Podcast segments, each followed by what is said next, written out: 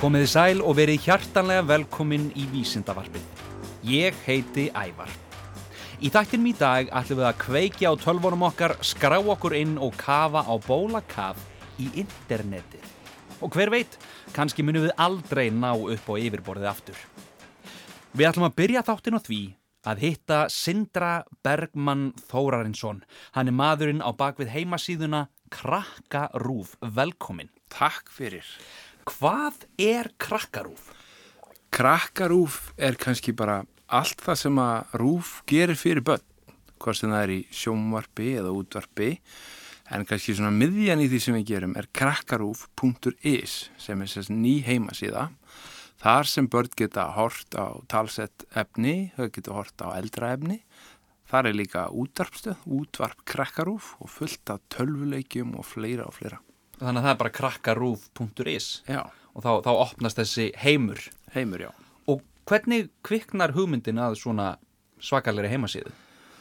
um, tímatnir og tæknin breytist hratt og hérna við í rauninni þurfum bara svolítið að hlusta og horfa á krakka og skilja hvernig þau vilja horfa og njóta efnis og þegar við horfum á, á unga krakka í dag þá eru þau mest að horfa efni gegnum iPad eða Sima eða þau eru að horfa YouTube og við vildum svolítið bara herma eftir því og þess vegna fannst okkur að best að miðla efni tilpatna í gegnum netið. Þannig að í, kannski fyrir svona tíu árum þá hefði þetta eiginlega bara ekki verið hægt. Nei, þá vorum við bara með uh, útvarp eða sjónvarp en nú, nú er þetta svo mikið að breytast, tæknin er að breytast þannig að flestir er að horfa á skemmtefni í gegnum þessi tæki, snjall tæki. Einmitt. Og hvað er, hvað er gamalt efnaðin inn? Ég veit að allt nýtt barnaefni, teiknumindir útastættir og sjómanstættir fara þarna inn sem að tengja spötnum á einn eða annan hátt. En hversu gamalt efni getur við fundið þarna? Uh, frá 2001 og við erum að fara aftur í tíman en það er sérst fullt af efni þarna af krökkum sem að voru einsunni krakkar árið 2001 að dansa og syngja kannski stundin okkar Já. en eru orðið háaldra fólk í dag Háaldrað. Já, 20 og eitthvað. Þannig að þau geta farið þarna og, og, og, og gramsað og, og fundið kannski bara sjálfsig að dansa Akkurat og hugsa með sér, ah, nú þarf ég að fara að hita upp og, læra þessi spór aftur og, Já. prófa aftur. Hvernig kemur þú að krakkarúf? Það var nú bara þannig að það var hérna ósk, uh, þau voru að leita eftir starfskrafti til þess að sjá um, til þess að vera krakkarúf stjóri og ég bara hef svo rosalega mikið áhuga á barnaefni og ég hef mikið áhuga á hugmyndu barna og að krakkar finnir svolítið snilligáðu sinni farveg. Og þannig að mér fannst bara kjörið að sækja um þetta starf og, og var svona hímilegandi þegar að mér var bóðið starfið og við hérna, við tók bara mikil vinna þar sem að sérst, við ætlum að búa til heimasíðuna krakkarúf.is og sem betur fyrir hafði ég nú eitthvað pælt í þessu áður þannig að uh, við sérst bara komum saman þetta, nokkur stór hópur hérna innan rúf það er sérst grafískir hönnuðir og forritarar og, og alls konar hérna, fólk á safninni og fleira. Og byrjum bara að teikna upp hugmyndina að vefsíðinni krakkarúf, bara á blað svo bara strókum við út og við tölum við fleira fólk og fáum hugmyndir og eh, það er bara bestirinn þá að, að, að, að vera ekkert að eyða alltaf mikill orku í að búa til einhverja flókna tækni, heldur bara krassa og krassa og krassa og krassa, þá engar til við erum komin að einhverju niðurstu sem við erum sátt við. Og þá förum við í það að búa til vefin sjálfan. Þá sem sagt köllum við fyrst inn grafíska hönniði sem að búa að teikna upp síðuna í tölvu og e- er í svona samtali við forritarana sem sem ætla svo að forrita allan vefin og þeir þurfa að láta myndirnar sem að grafíski hönnuðnir teikna upp, lipna við inn í tölvunni. Og svo þarf að tengja þetta við allt efnið sem er til og búið til útarstöðuna þannig að þetta er svona ymsa flækjur en, en ótrúlega gaman. Og rosalega gaman að sjá þetta svona að lipna við sko, þegar þetta, þegar hérna og horfa á krakka að vera njóta þess sem maður er búið til. Þannig að það er hægara sagt en gert að búa til góða og flotta heimasíðu. það, það, hérna, það er miservitt. Það er að verða auðveldara og, og auðveldara. Þetta, það er bæðir til svona alls konar tól. Þannig að krakkar í dag í rauninni sem eru krakkar í dag geta alveg nýtt sér sjálf til þess að búa til heimasýður svona litlar einfaldar heimasýður þar sem þau geta verið að skrifa hann hvort eitthvað fæslur eða sett inn myndir eða eitthvað myndbönd af YouTube en svo eru líka svona starra og flóknari verkefni eins og þetta það sem við þurfum að vera í rauninni að stilla af svona alveg fullt af forritum í bakurinni og fleira þannig að þetta er svona svarið er já og nei, það er rosalega létt og rosalega erfitt En hvernig, þú, þú sagðir á hann að þú hefði mikinn áhuga á barnaefni. Hvað er það við barnaefni sem þér finnst svona spennandi?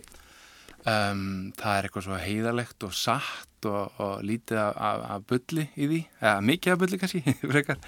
Og ég, hérna, mm, ég hef bara mikinn áhuga á því að uh, efni sem að svolítið kvetur fólk til dáða og hjálpar því að komast að einhverjum uh, sannleika sem það kannski vissi ekki.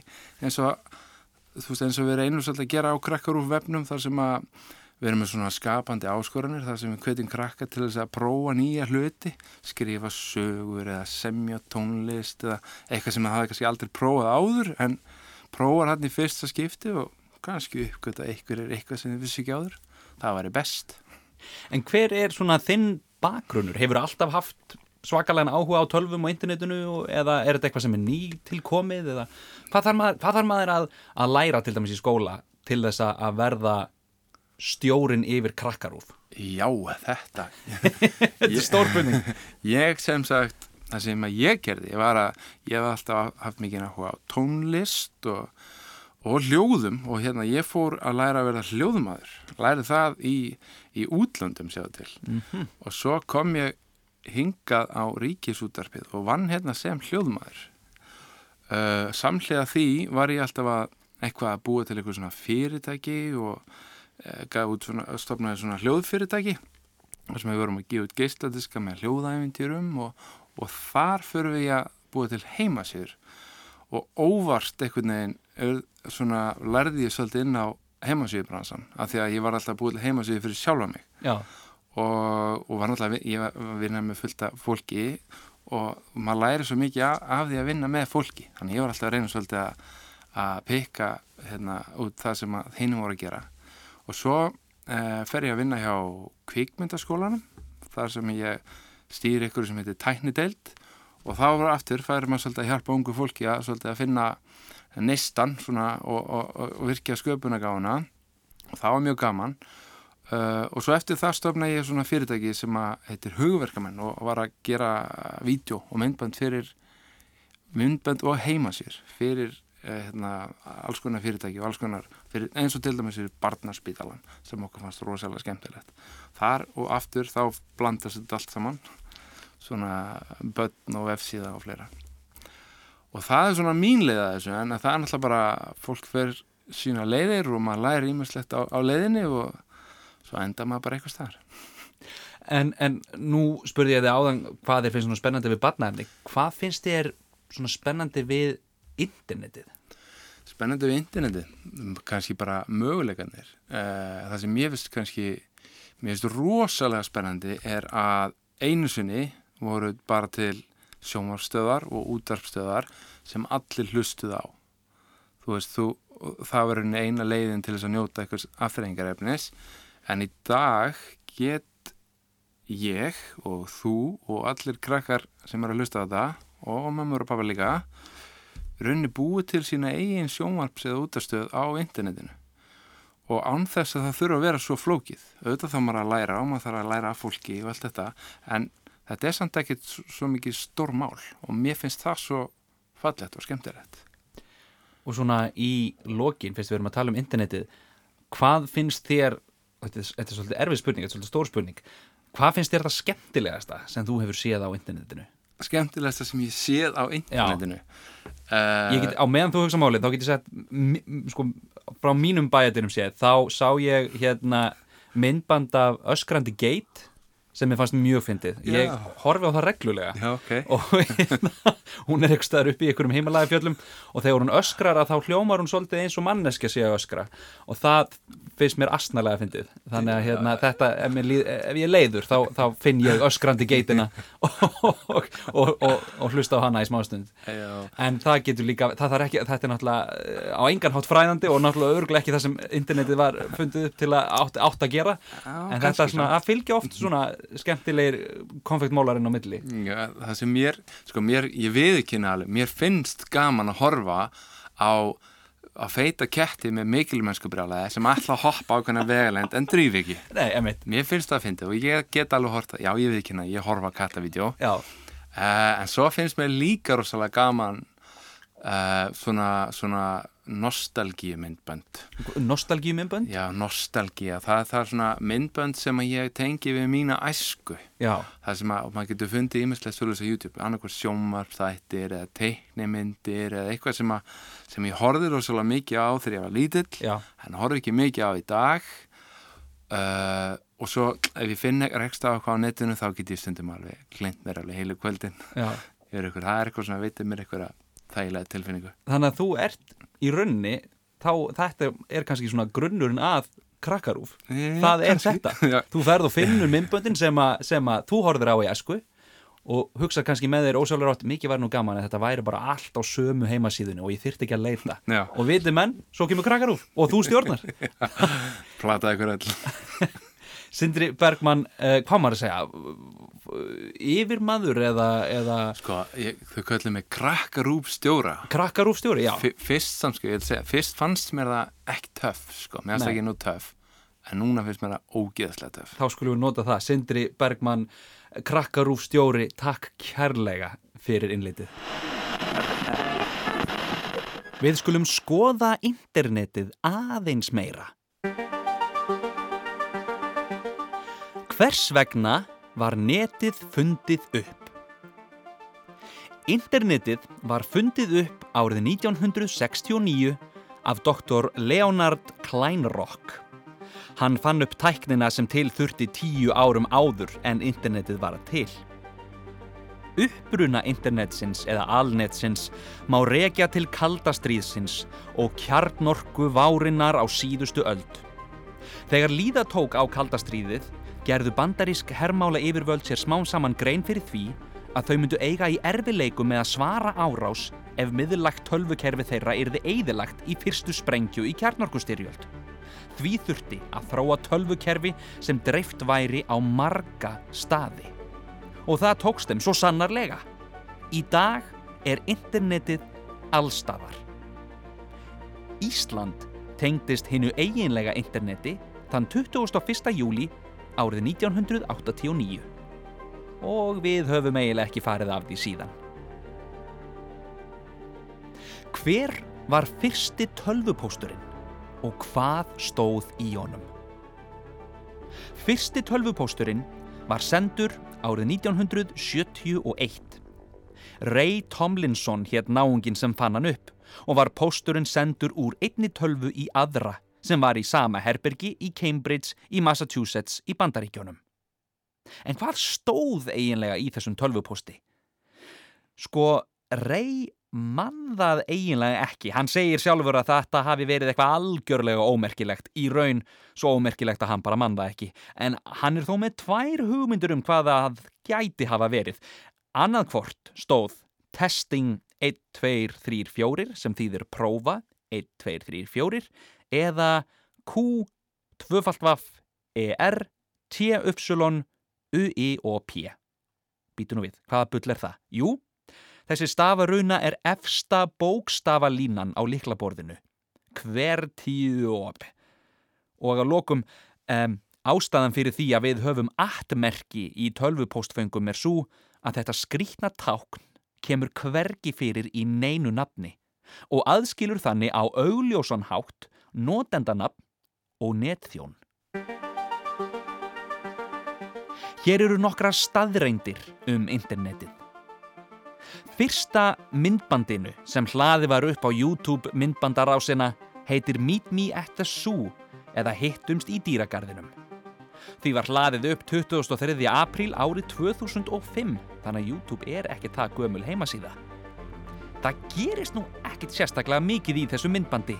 Eh, Það er um 19 sekundar að lengt og í því er ungur maður í San Diego dýragarðinum að lýsa á frekar fáránlegan hátt fílnum sem stendur á bakveðan. Fyrsti rusl tölvupósturinn var sendur árið 1978, sjö árum eftir fyrsta venjulega tölvupóstinn. Herramadurinn sem sendi þann ágæta póst hétt Gary Tuerk og var að selja tölvur. Það var mjög fallega gert af honum að senda okkur fyrsta ruslpóstinn. Tvöfalt vaff, tvöfalt vaff, tvöfalt vaff sem er skrifað fyrir framann allar heimasíðu slóðir stendur fyrir World Wide Web sem þýðir veraldarvefur. Og eitt hér að lokum, netið er gríðarlega stórt og þegar vísindavefur Háskóla Íslands var spurður að því hversu margar heimasíður væru eiginlega á netinu, þá sögðu þeir að spyrjandin hefði alveg eins getað spurt hvað eru mörg sandkorn í heiminum.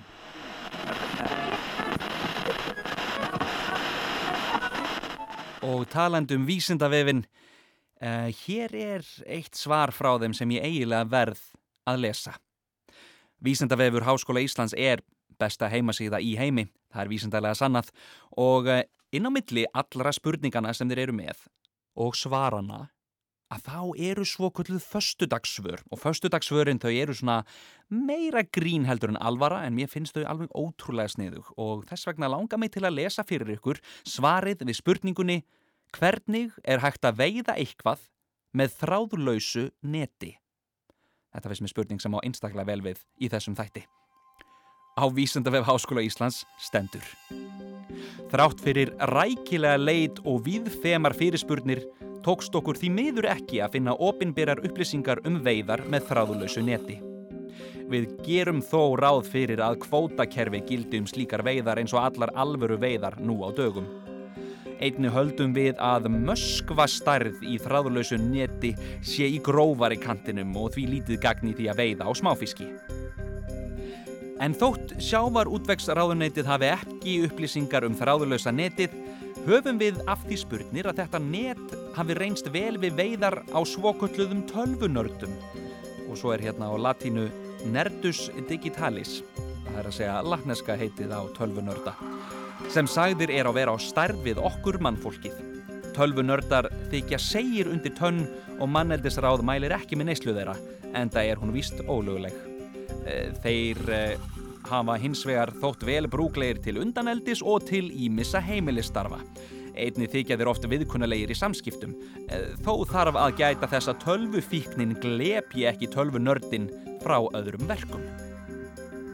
Aðferðin til að veiða tölvunörda felur í sér að egna gildru með því að nefna orð á borð við háhraðatengingu, gagnaflutning og gigabæti.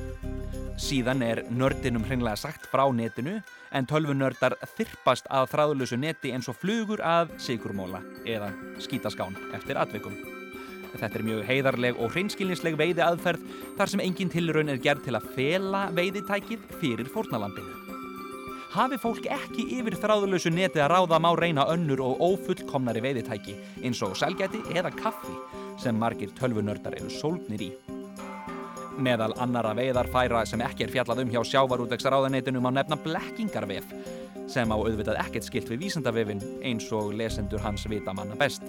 Þeim er fulljósta að vísendavefurinn hefur alltaf það sem sannar reynist nema þá í föstudagsvörum eins og þessu. En þá vita tryggir lesendur líka hverju þeir eiga von á. En vísendavefnum sýnist hvað sem öðru líður að um þráðlust net muni gilda eftirfarandi rök henda. Og hlustu nú vel. Öll þráðlaus net eru ný, ekki ber að trúa neinu eins og nýju neti, að því leiðir ekki ber að trúa þráðlausum netum. Þetta þýðir væntalega að við eigum ekki að trúa því sem berst að okkur með þráðlausu neti. Uh, lesandi nætti því að kynna sér hvernig þetta svar hefur komist til hans og hugleiða síðan hverju hann vil trúa af því sem í því stendur. Og þá líkur þessu föstudagssvari frá Vísendavef Háskóla Íslands. Þetta var svari við spurningunni hvernig er hægt að veiða eitthvað með þráðlausu neti. Þættinum er lokið. Ég vil þakka Vísendavef Háskóla Íslands og Sindra Bergmann Þórarinsinni, krakkarúfstjóra, fyrir innlitið. Þá vil ég sömu leiðis benda á heimasíðu ævars vísindamanns rúf.is skástrík ævar og um leið auðvitað benda öllum sem vettlingi geta valdið að kíkja inn á krakkarúf.is. Þar er hægt að hlusta á öll vísindavörpin og sjá alla sjómanstættina mína, hvorki meira minna. Þetta er ævar vísindamadur á netinu og í útvarpinu en samt grunnar mig aðalega á netinu, yfir og út.